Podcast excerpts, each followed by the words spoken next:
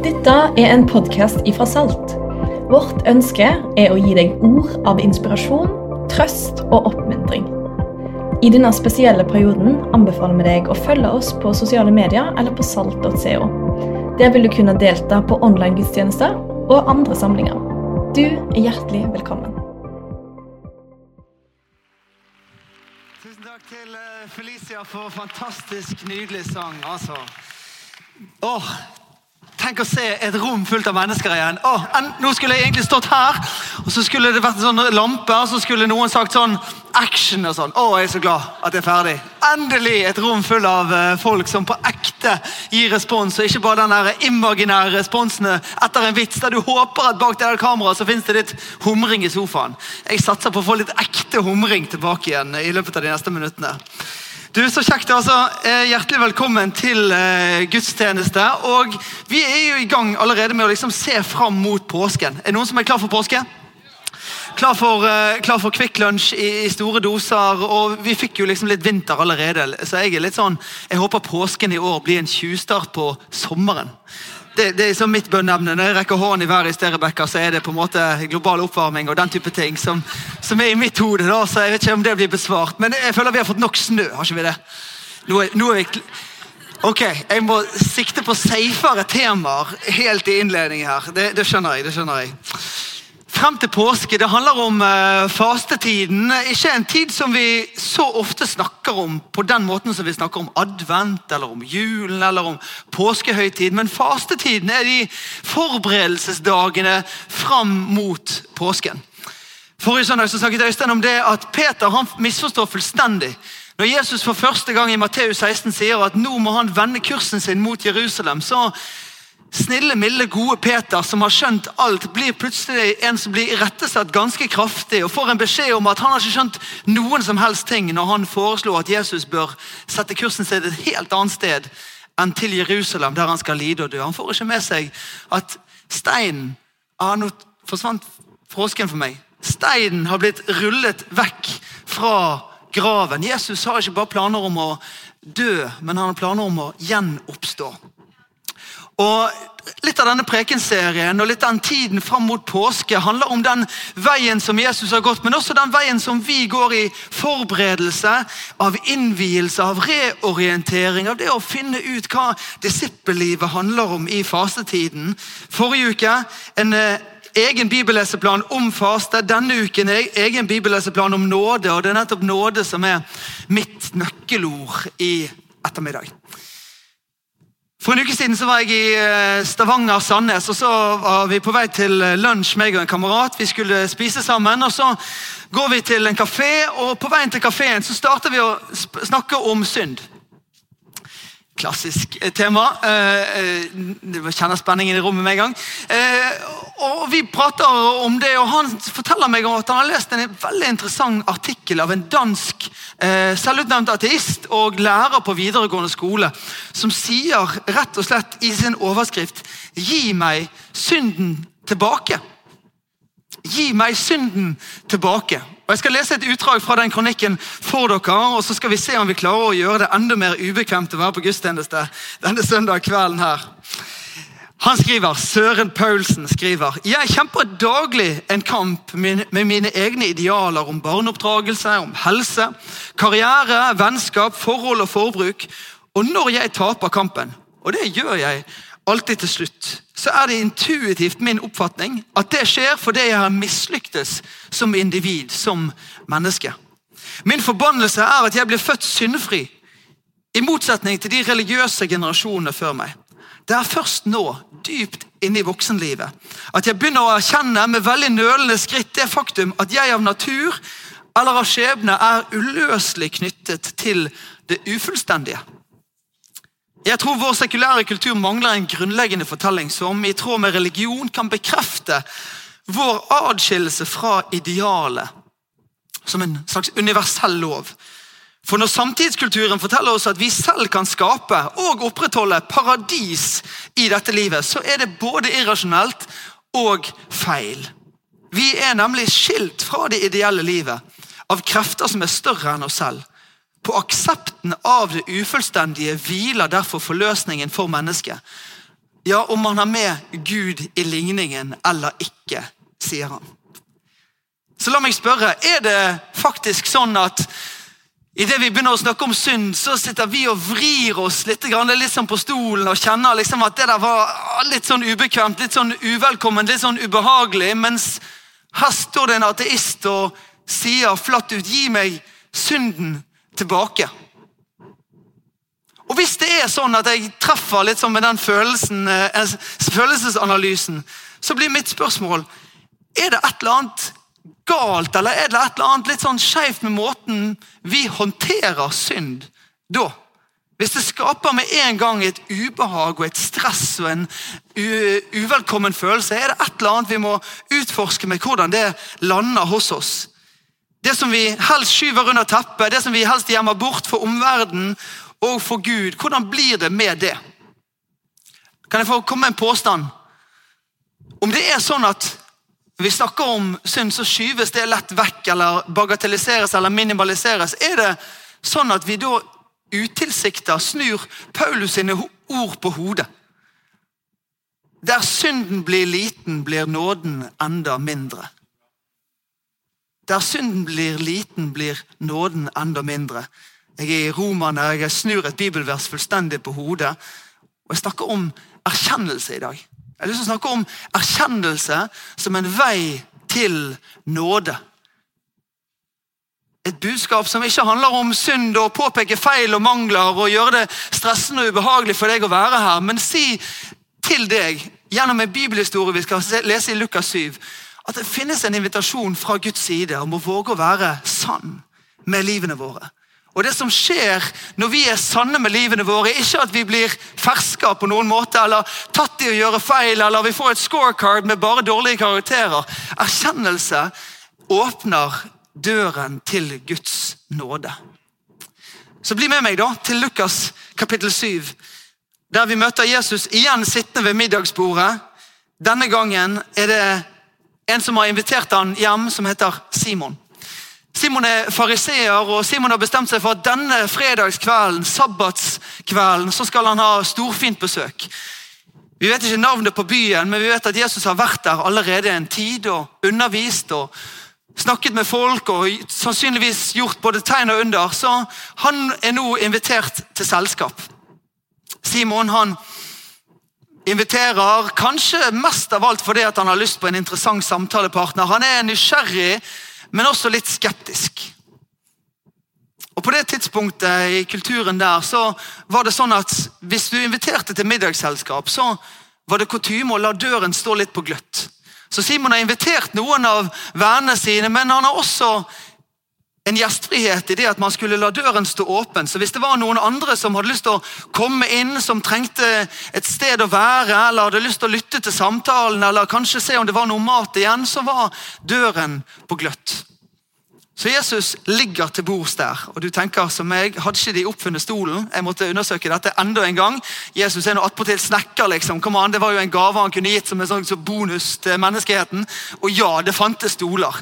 De pleide å bruke dem, men da det var festmiddag, så lå de til bords. Hvilket jeg mener egentlig bør revurderes også av oss. Eh, så Se for deg et bord i litt lav høyde, og så ligger de med ansiktet inn på puter og behagelig. og spiser mens beina stikker ut bak. og Da er det en deilig bordsetting for et par timer med fika på kveldene.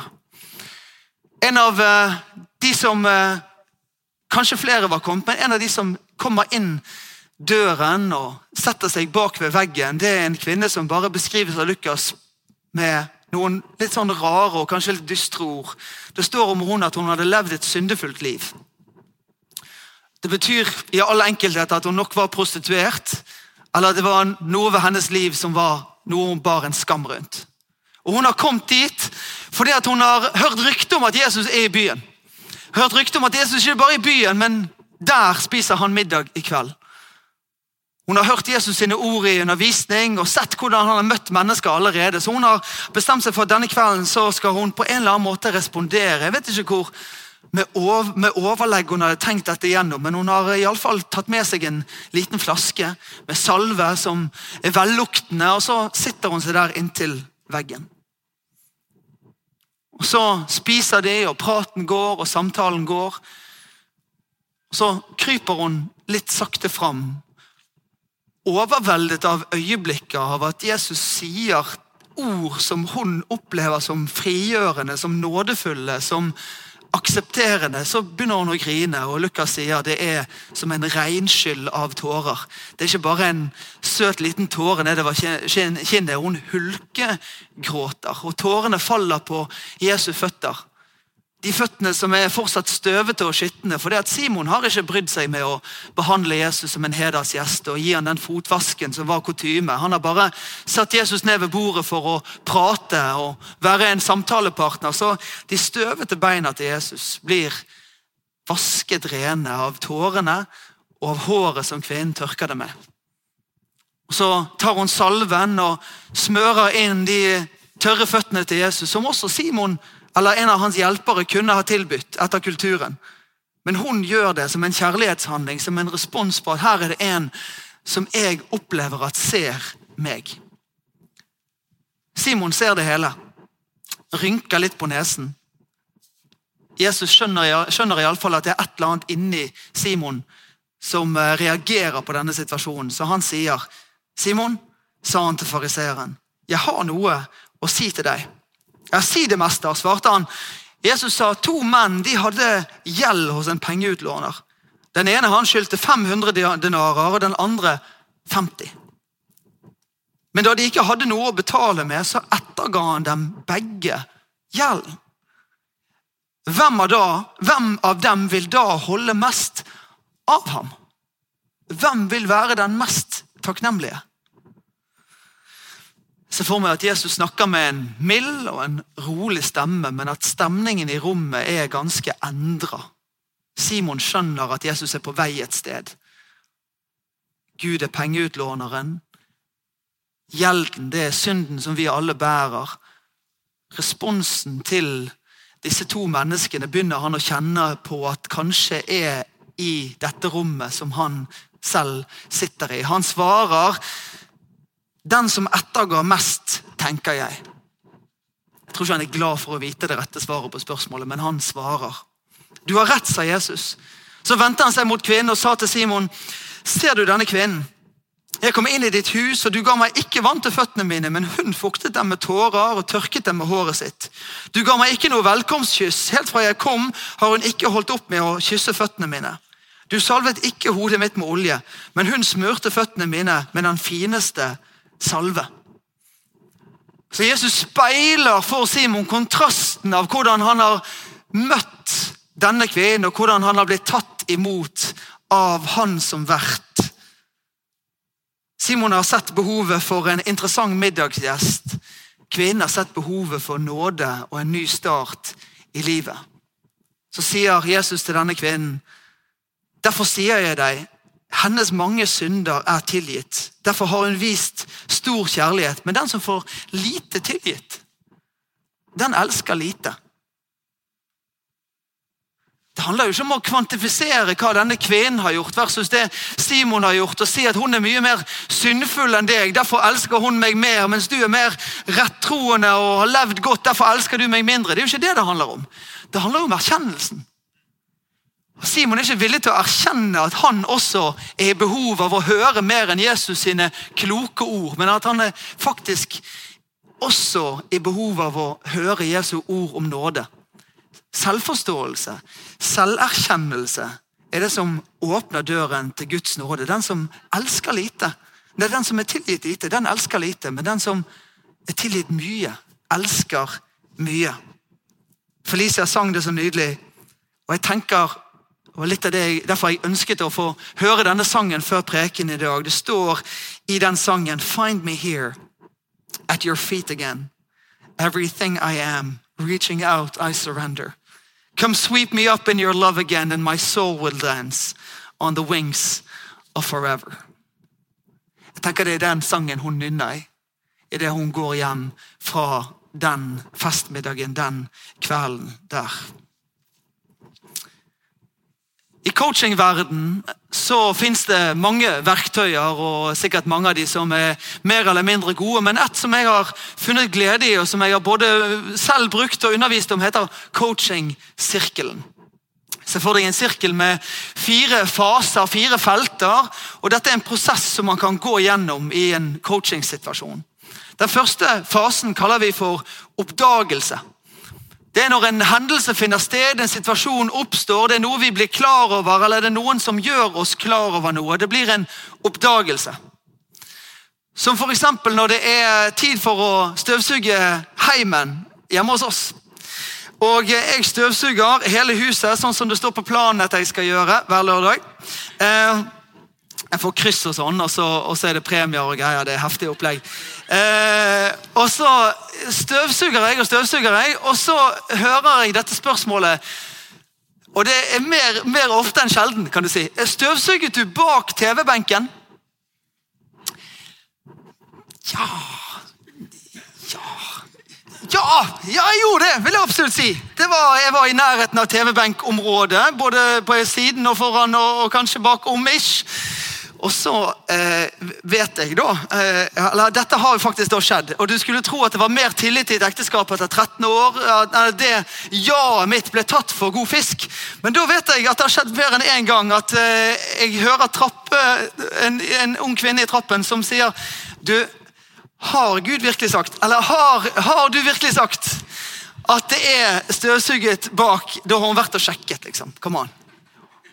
Og så har, da, har, da, er det jo sannhetens time kommet. Det er tid for fase to av coachingsirkelen. Erkjennelse. Og eh, Har jeg påstått at det har blitt støvete i løpet av de 14 sekundene mellom jeg støvsuget og hun sjekket? Absolutt. Absolutt. Har jeg påpekt at hvorfor skal vi støvsuge bak der? Det er jo ingen som skal være der det, det, det, mest geniale argumentet siden noen gang, mener jeg da. Men, eh, men, hun mener jo bestemt at hvis det skal være en TV-benk, så skal den virkelig støvsuges bak. Og jeg må erkjenne nei, jeg har ikke støvsuget bak TV-benken. Jeg skal gå opp og gjøre det igjen. Kjære Jakob han skriver et uh, brev til uh, kirken i Jerusalem som er litt sånn spredd for alle vinder. Jeg følger, jeg føler litt med Jakob når han skriver dette brevet. Det er litt sånn koronanedstenging, men uten Zoom og uten noe online. Han har bare et brev liksom, som han må skrive og sende rundt i hele nærområdet rundt der for at de skal få lov å følge med på gudstjeneste. Han sier det på denne måten i Jakob 1, 13-14. Ingen som blir fristet, må si det er Gud som frister meg. For Gud fristes ikke av det onde, og selv frister han ingen. Alle de blir fristet av sitt eget begjær, som lokker og drar. Et litt mer intenst tema enn støvsuging. Jeg erkjenner det. Men poenget er det samme. Uten erkjennelse er det ikke mulig å komme seg videre. Hvis alt er bare fornektelse, bortforklaringer, forsøk på å gjemme det vekk, minimere det, skyve det under teppet, da står vi på stedet hvil. Overfor mennesker i vi lever med, overfor oss sjøl og dypest sett overfor Gud. I coachingsirkelen er det sånn at eh, en selverkjennelse eller en erkjennelse åpner opp muligheten for at vi kan jobbe med det, vi kan ta tak i det, vi kan bevege oss videre.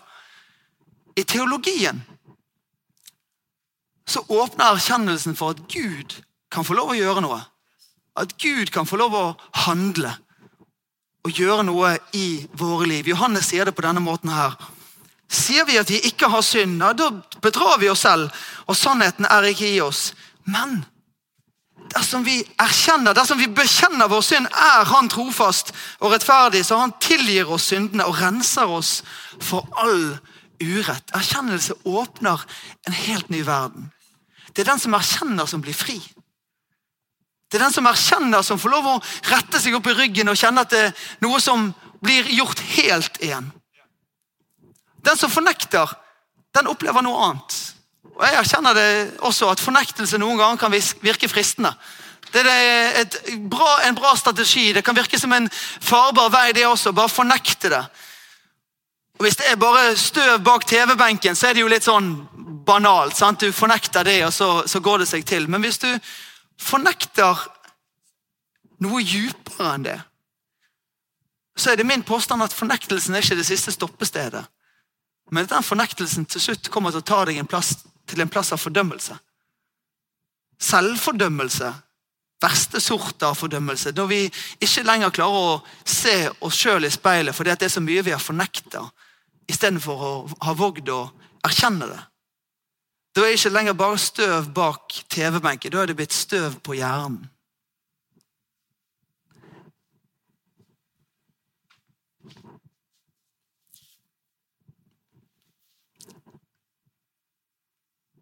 evangeliets gode nyheter til ateisten som sier 'gi meg synden tilbake'.